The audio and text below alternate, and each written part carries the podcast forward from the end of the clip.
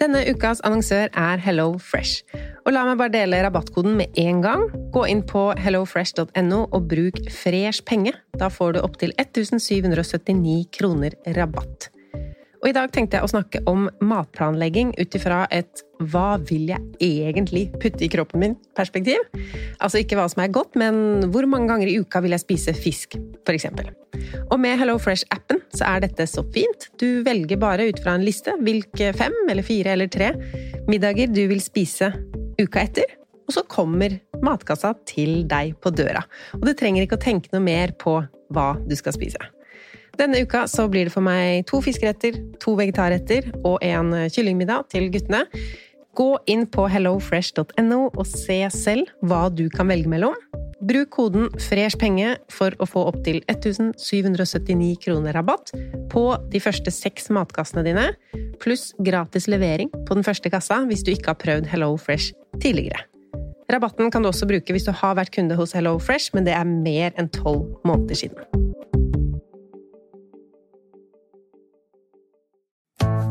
Har du et enkeltpersonforetak eller en liten bedrift?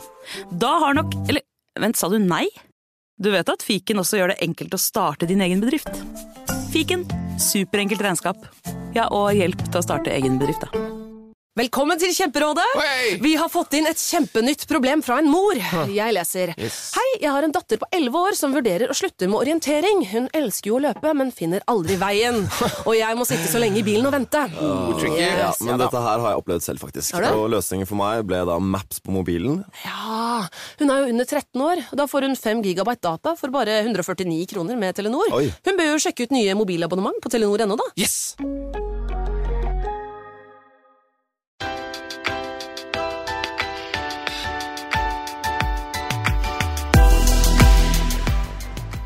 Lykke er å bruke penger. La oss ta en eh, håndsopprekning. Tror du tittelen på denne episoden er noe jeg mener, eller noe jeg ikke mener? Velkommen til Pengesnakk podkast. Jeg heter Lise, og jeg bruker penger som et verktøy. Det gjør vi alle, egentlig. Spørs bare om vi har tenkt nok på hvor mye vi egentlig kan bestemme selv. I dag skal vi, jeg, snakke litt om noen ideer jeg leste i en bok rundt dette med lykke og penger og hvordan bli eh, rik og sånn. Og um, svaret på det med lykke er å bruke penger. Så dere som kjenner meg, veit jo at jeg ikke mener det, men um, Men. Det kommer noen men her.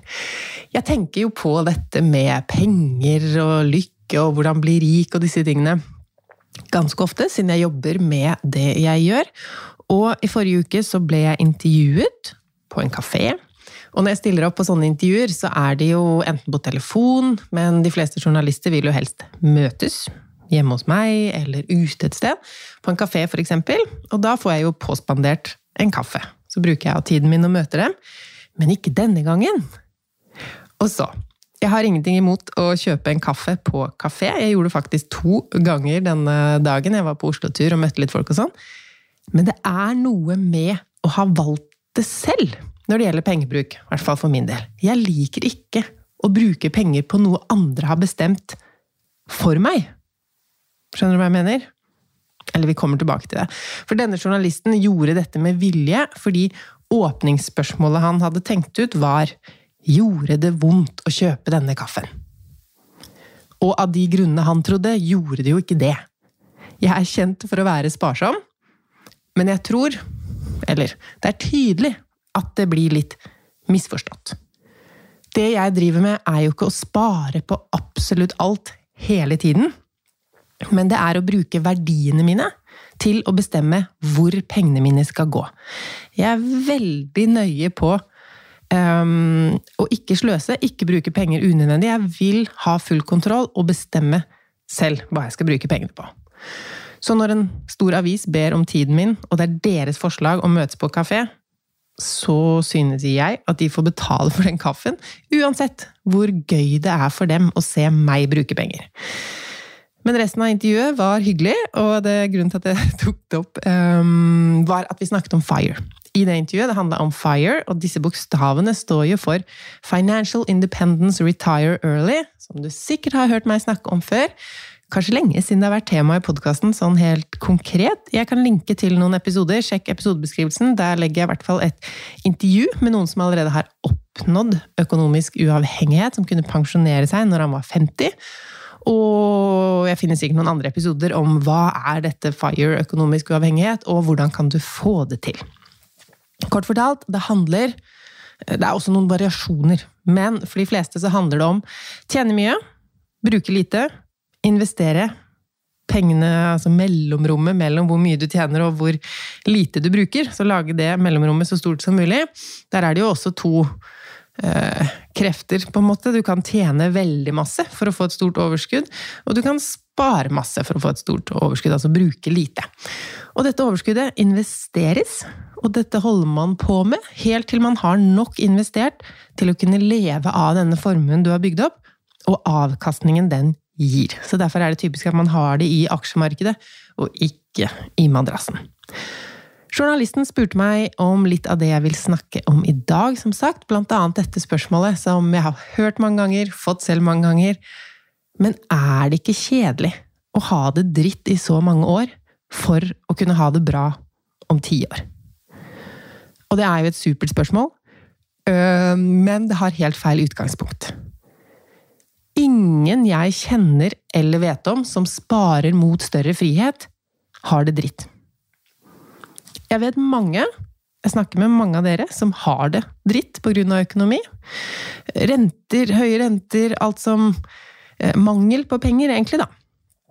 Men ingen av de jeg snakker eller hører om som investerer, sparer, jobber for å lage seg en stor frihet eller fullstendig økonomisk frihet, har det dritt. Og hvorfor ikke det?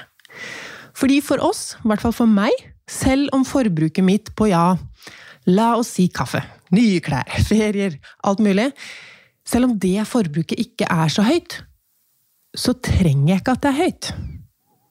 Jeg vil at det ikke skal være høyt. Det holder for meg noen ganger å bare vite at jeg kan, hvis jeg vil. Jeg trenger ikke å handle på alle de impulsene.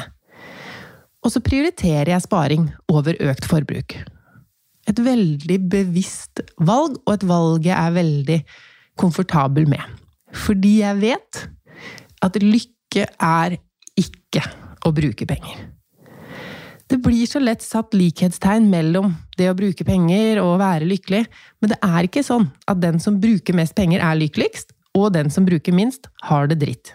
Nødvendigvis. Og nå sa jeg ikke at lykken er å ikke bruke penger men at lykke ikke er å bruke penger, hvis du hører forskjellen. Men det kan faktisk også ligge en del glede i å være sparsom og sånn også. Eksempelet jeg alltid drar fram, er at for meg, da Det er gøy for meg som liker å spare, og som er opptatt av miljøet, når jeg skal um, Hvis barna mine trenger vinterstøvler eller en ny jakke, å finne det på loppemarked, det er gøy for meg. Å finne det til en brøkdel av prisen syns jeg er helt topp. Det er noen kanskje med denne jakten ikke sant? og belønningen. Der sparte vi litt der også. Råd til en ekstra kaffe. og den morodelen av sparing, den ville jeg jo ikke hatt hvis jeg gjorde akkurat disse samme handlingene av nødvendighet. Hvis barna mine trengte regntøy, dette var den eneste måten jeg kunne få råd til det på, ta bussen til det loppemarkedet, håpe at det er et regntøy i riktig størrelse, det er ikke det samme som for meg denne positive åh, gøy å spare litt. Mye bedre å kjøpe noe brukt. Så sparing, det kan gå litt sport i det òg, og være gøy. For oss som ikke må. Og så tilbake til det spørsmålet, eller en, svar nummer tre eller fire, eller hvor jeg har kommet nå. Det er jo sånn at hvis man sparer og holder på for å få nok penger til å kunne pensjonere seg som 40-åring, det var jo mitt mål. Det var jo det jeg først ble kjent for, kanskje. Den eh, store sparinga mi mot å kunne pensjonere meg som 40-åring. Boliglånet var nedbetalt, jeg investerte over 20 000 kroner i måneden. Det var et så tydelig mål. Da slipper jeg å jobbe. Nå er jo jeg veldig glad i å jobbe, men øh, hvis jeg ikke hadde lyst til å jobbe, så kunne jeg la det være. Det syns jeg var kjempemotiverende mål. Uh, og nå er det jo sånn at et visst renoveringsprosjekt her hjemme tok litt rotta på hele sparinga mi. Uh, jeg har ikke tatt noe ut av fond, så jeg har de to millionene litt over det investert i fond. Men nå får jeg ikke spart noe mer, og jeg får ikke betalt ned på lånet mitt. Altså, huset mitt er Det er jo ikke fint nå engang, men det blir jo veldig fint. Men det krever veldig mye penger. Så den eh, pensjonere seg som 40-åring, den tror jeg at jeg må se langt etter. Men disse regnestykkene Regnestykkene til FIRE-bevegelsen ja, det er en bevegelse, selv om det ikke er så stort her i Norge. Eh, selv om det er flere som snakker om det. Man veit jo aldri hvem som driver med det og ikke snakker om det. Men eh, flere snakker om det, i hvert fall. Disse regnestykkene for å finne ut hvor mye må jeg spare. For det er jo det første du liksom begynner å lure på når du tenker ok, dette høres kult ut. Jeg har ikke lyst til å jobbe hele livet. Eller jeg har lyst til å ha den store tryggheten. Disse regnestykkene de tar hensyn til at du fortsetter din sparsommelige livsstil også etter du har oppnådd FIRE, eller økonomisk uavhengighet, som vi kaller det på norsk. Så da ville det jo være altså Det må det nesten være for at det tallet skal være lavt nok. Når jeg først regna på mitt, så la jeg til grunn at jeg skulle bruke 150 000 kroner i året. Ganske lite.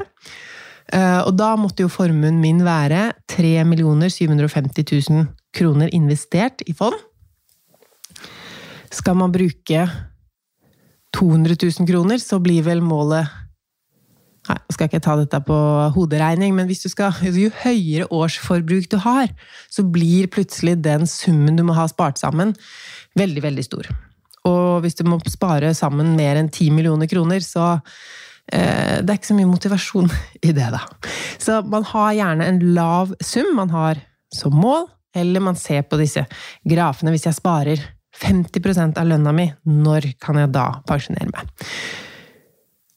Og da tar disse regnestykkene utgangspunkt i at du fortsetter med det samme lave forbruket som nå.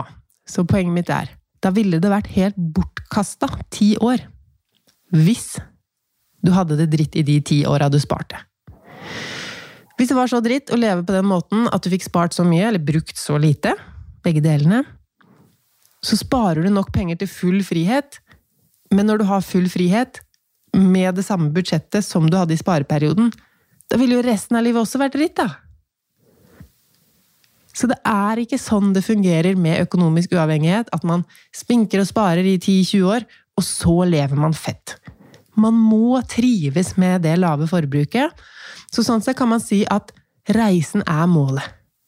Du må trives i spareperioden. Og det er jo også noe av det som gjør at jeg ikke stresser målet så mye. Jeg tar aldri grep som gjør at jeg ikke har det bra her og nå. Én ting er jo at man aldri veit hva som skjer i livet. Og så kommer det opp ting som er viktigere enn å spare til dette målet. Og det syns jeg Jeg kunne jo tenkt at åh, det er jo så kjipt. Men så syns jeg ikke det, fordi der og da er jo det ting jeg velger å prioritere. Sånn som at vi kjøpte hytte, for eksempel, i 2018. Da tenkte jeg jo ok, da må jeg skyve på det FIRE-målet mitt et par år. Men det er det verdt. Og så har vi fått barn. Det er forskjellige ting vi prioriterer foran dette målet. Om å kunne pensjonere meg som 40-åring. Eh, og så er det jo mange måter man kan finne en mellomting på.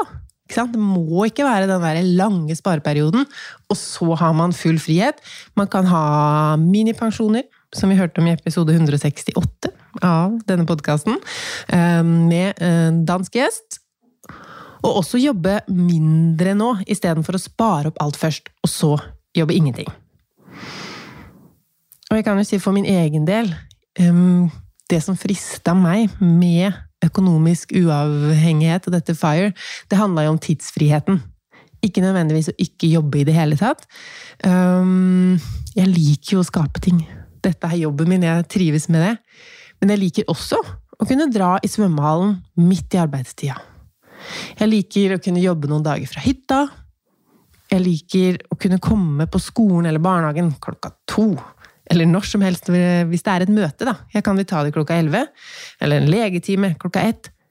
Det går fint. Og den tidsfriheten elsker jeg. At jeg ikke må spørre en sjef og planlegge alt sånn. Og hvis jeg får vondt i hodet, så kan jeg bare være mindre på skjerm den dagen. Så derfor er FIRE-målet mindre viktig for meg eh, nå. Eh, og det passer jo bra, siden sparinga går treigere. Slipper jeg å være lei meg for det. Men så er det noe jeg vet du kanskje tenker på. Vi snakker jo mye om sparemål, nedbetaling av dyrelån, investering, sparing til mer kortsiktige ting. Og så er det jo lett å havne der at man vil veldig mye. Jeg vil det, jeg vil det, jeg vil det. Og så blir vi satt i en skvis mellom å spare så mye vi kan, og å leve litt. Som dere pleier å si, jeg tar det i anførselstegn, leve litt. For det hører jeg ofte, og det har jeg løsningen på. Det begynner med at du definerer hva det er for deg å leve litt. Og så fortsetter vi med at du ikke kutter der først. Du skal kutte i det som ikke gir deg liv eller følelsen av at du lever litt. Eksempel kaffe på kaféturer du ikke har bedt om selv. Du skal velge selv hva du bruker pengene dine på. Og også sparemål kan rangeres sammen med dette ønsket om å leve litt. Altså ha i bakhodet at det ikke nødvendigvis må koste så mye å leve litt. Jeg er i hvert fall ikke enig i det. Det beste i livet er gratis, osv. Kjærlighet og venner og hverdagen med barna, svømme i havet, løpe i skogen. Du skjønner hvor jeg vil. Jeg tror, eh, selv om du liker dyre ting, så kan du også finne rimelige og gratis ting som du også um, elsker, eller som gir deg følelsen av å leve litt. Men la oss nå anta at det koster en del, da å leve litt. Du vil leve litt, men du vil også betale ned gjeld, spare til pensjon, spare til ferie, spare til uh, sommerhus, kanskje noe annet også. Det må fortsatt være en av delene du vil mest. Eller så er jeg her for å fortelle deg at du kan ikke få alt. Brutalt. Du kan ikke få alt. De aller færreste av oss kan få alt. Og er du en av oss vanlige dødelige, du kan ikke få alt. Du kan få til det du ønsker deg aller mest. Det tror jeg virkelig på. Men ikke alt av alt. Så her syns jeg eh, vi får bare være litt ærlige med oss selv. Og faktisk også ta oss tiden eh, vi trenger for å synes at det er urettferdig, eller hva som helst. At du ikke får alt.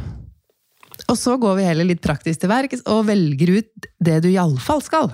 Og så sørger vi for at det skjer. Det som er viktigst for deg, ditt liv, din familie, hvis du har det. Ok, la meg fortelle deg noe jeg leste i en bok. Det, det, jeg føler Den setningen kommer jeg til å eh, snakke om resten av året, fordi jeg har jo glemt unna litt det lesemålet mitt. Eller jeg har ikke glemt det, jeg bare ligger litt bak. Jeg skulle lese 50 bøker i eh, år. Nå er jeg akkurat på 40, så det blir ti, ti bøker igjen på den siste måneden, så det blir mye lesing nå. Og jeg elsker jo å lese. Det yrket, det første yrket jeg kan huske at jeg liksom sa til mamma at jeg hadde lyst til å jobbe som, jeg skulle bli bibliotekar. Jeg elsker bøker. Og hvis du har tips om noen litt korte bøker som du tror jeg kommer til å like, så send meg eh, hva de heter og hvem som er forfatteren. Jeg liker mange sjangere og leser fort, men nå må jeg ha litt korte bøker. Så ikke anbefal sånn Thinking Fast and Slow. Bra bok, men altfor tjukk. Jeg skal gjennom ti stykker. Um, ja, så jeg leser en blanding av romaner, sakprosa, litt pengebøker. Og nå er det en pengebok jeg har lest denne uka. Quit Like a Millionaire. Det er en bok skrevet av noen i dette FIRE-miljøet. Eh, en dame som heter Christy Shen, og mannen hennes, Bryce Leung. Innen FIRE-miljøet så er det litt sånn to sider, som jeg snakka om. Du kan spare deg til finansiell frihet, sånn som det handler om i den gule boka jeg snakka om mange ganger, Your Money or Your Life. Og der er vel mest jeg. Ikke sant? Du kan spare deg til det. Og så er det den andre siden. Du kan tjene deg til det. Og jeg er jo der òg. Altså det beste er jo å gjøre begge deler. Da går det i hvert fall fortere. Eh, men alle litt mer sånn business-pengebøker jeg leser, der er det sånn Drit i å spare. Sparing er for middelklassen. Skal du bli rik, så må du bygge business. Og så er jeg sånn åh, Det er jo ikke feil. Så klart kan du bli rik av å bygge deg en suksessfull business. Um, men Eller la meg si hva de Christy Sheen og Bruce Leong sier. Det er tre måter å bli rik på. Rik nok til å slutte å jobbe. Og da kan du se for deg en trekant, og en av spissene er sparing, en er tjening, og en er investering. Du må drive med alle tre, til en viss grad, men det holder at du er over gjennomsnittet på én av dem. Så selv om det er ikke feil at du kan bli rik gjennom å tjene masse, så betyr ikke det at du ikke kan spare deg rik.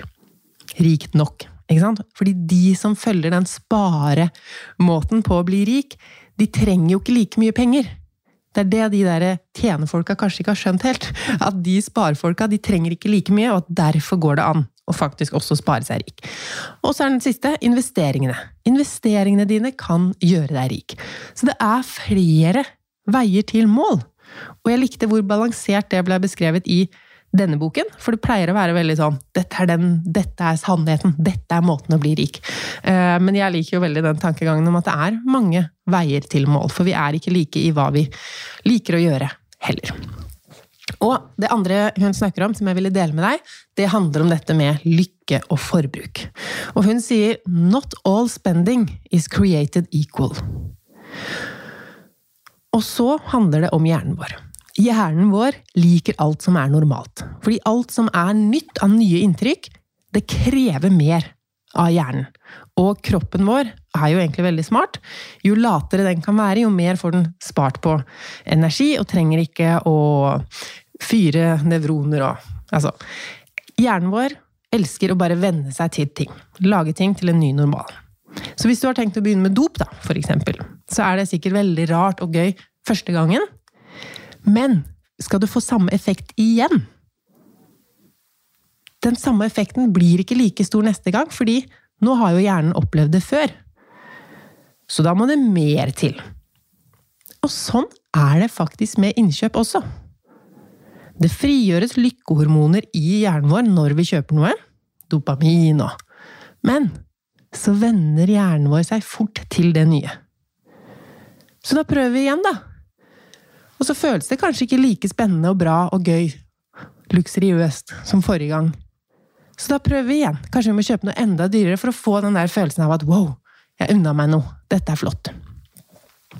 Vil jeg komme til å føle den følelsen jeg følte da jeg kjøpte min første leilighet igjen? Sikkert ikke. Den første luksusveska snakker hun eh, Christie om i eh, boka. At det var så fantastisk når hun kjøpte denne veska. Men på veske nummer fem så forsto hun at den følelsen kommer ikke tilbake. Luksusvesker er en del av livet. Hjernen gidder ikke å gi det samme lykkekicket. Så hva kan du lære av dette?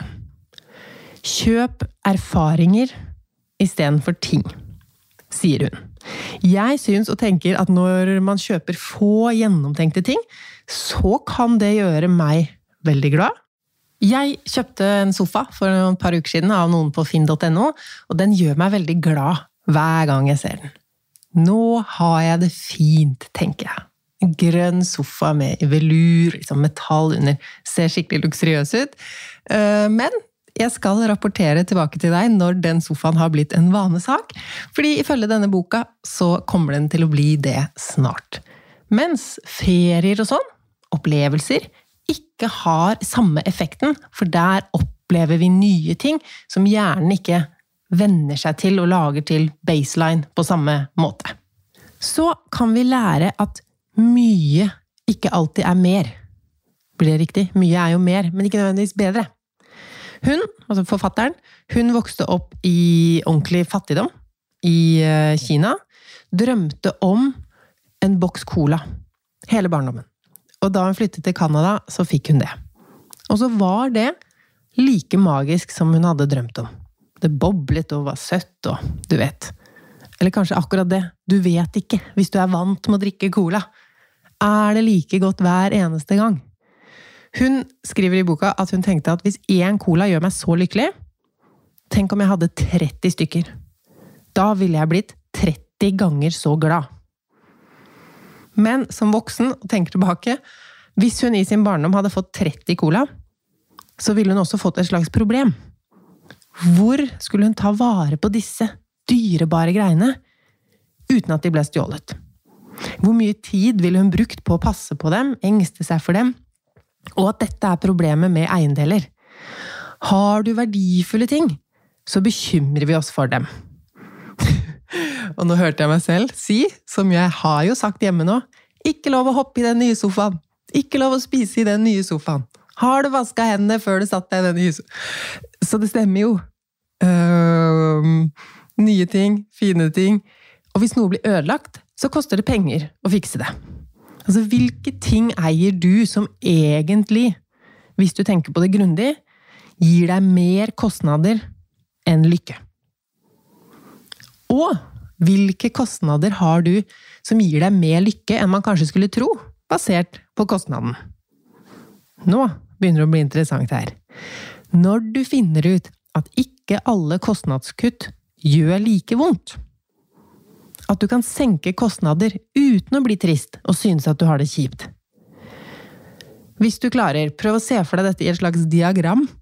Hver gang du bruker penger, så blir du litt glad eller veldig glad. Og hvis vi tar som et eksempel at du bruker 20 000 kroner i måneden, og så dropper vi noe, la oss si du dropper treningssenterabonnementet. 700 kroner. Da kan du jo bli litt sur, for man blir vel glad av å trene? Man føler man driver med noe sunt, eller du driver med noe sunt. Da ville dette slått negativt ut på lykkediagrammet. Du bruker nå 19 300 kroner i måneden, og så er du litt mindre glad enn før. Hva om du heller kutter um, HBO-abonnementet og den pizzaen du bestiller når du bare ikke orker å lage mat? Eller nye klær som du ikke er helt sikker på om blir favoritter? Også til 700 kroner. Eller mer. Men her blir du ikke mindre glad. Du blir kanskje mer glad. Eller la oss si helt nøytralt. Akkurat like glad som når du brukte 20 000, bare at du brukte 19 000. Det er verdt det. Det er svaret. Du kan leve litt og spare samtidig. Når du velger de riktige tingene å spare på. Hvis du velger å spare på ting som gebyrer og sånn, kutt ut de helt sånn meningsløse greiene som ikke gir deg noe glede igjen for pengebruken. Det er der vi skal kutte først. Og så, da er du like glad som før. 20 000 kroners glad på et 15 000 kroners budsjett. Kanskje.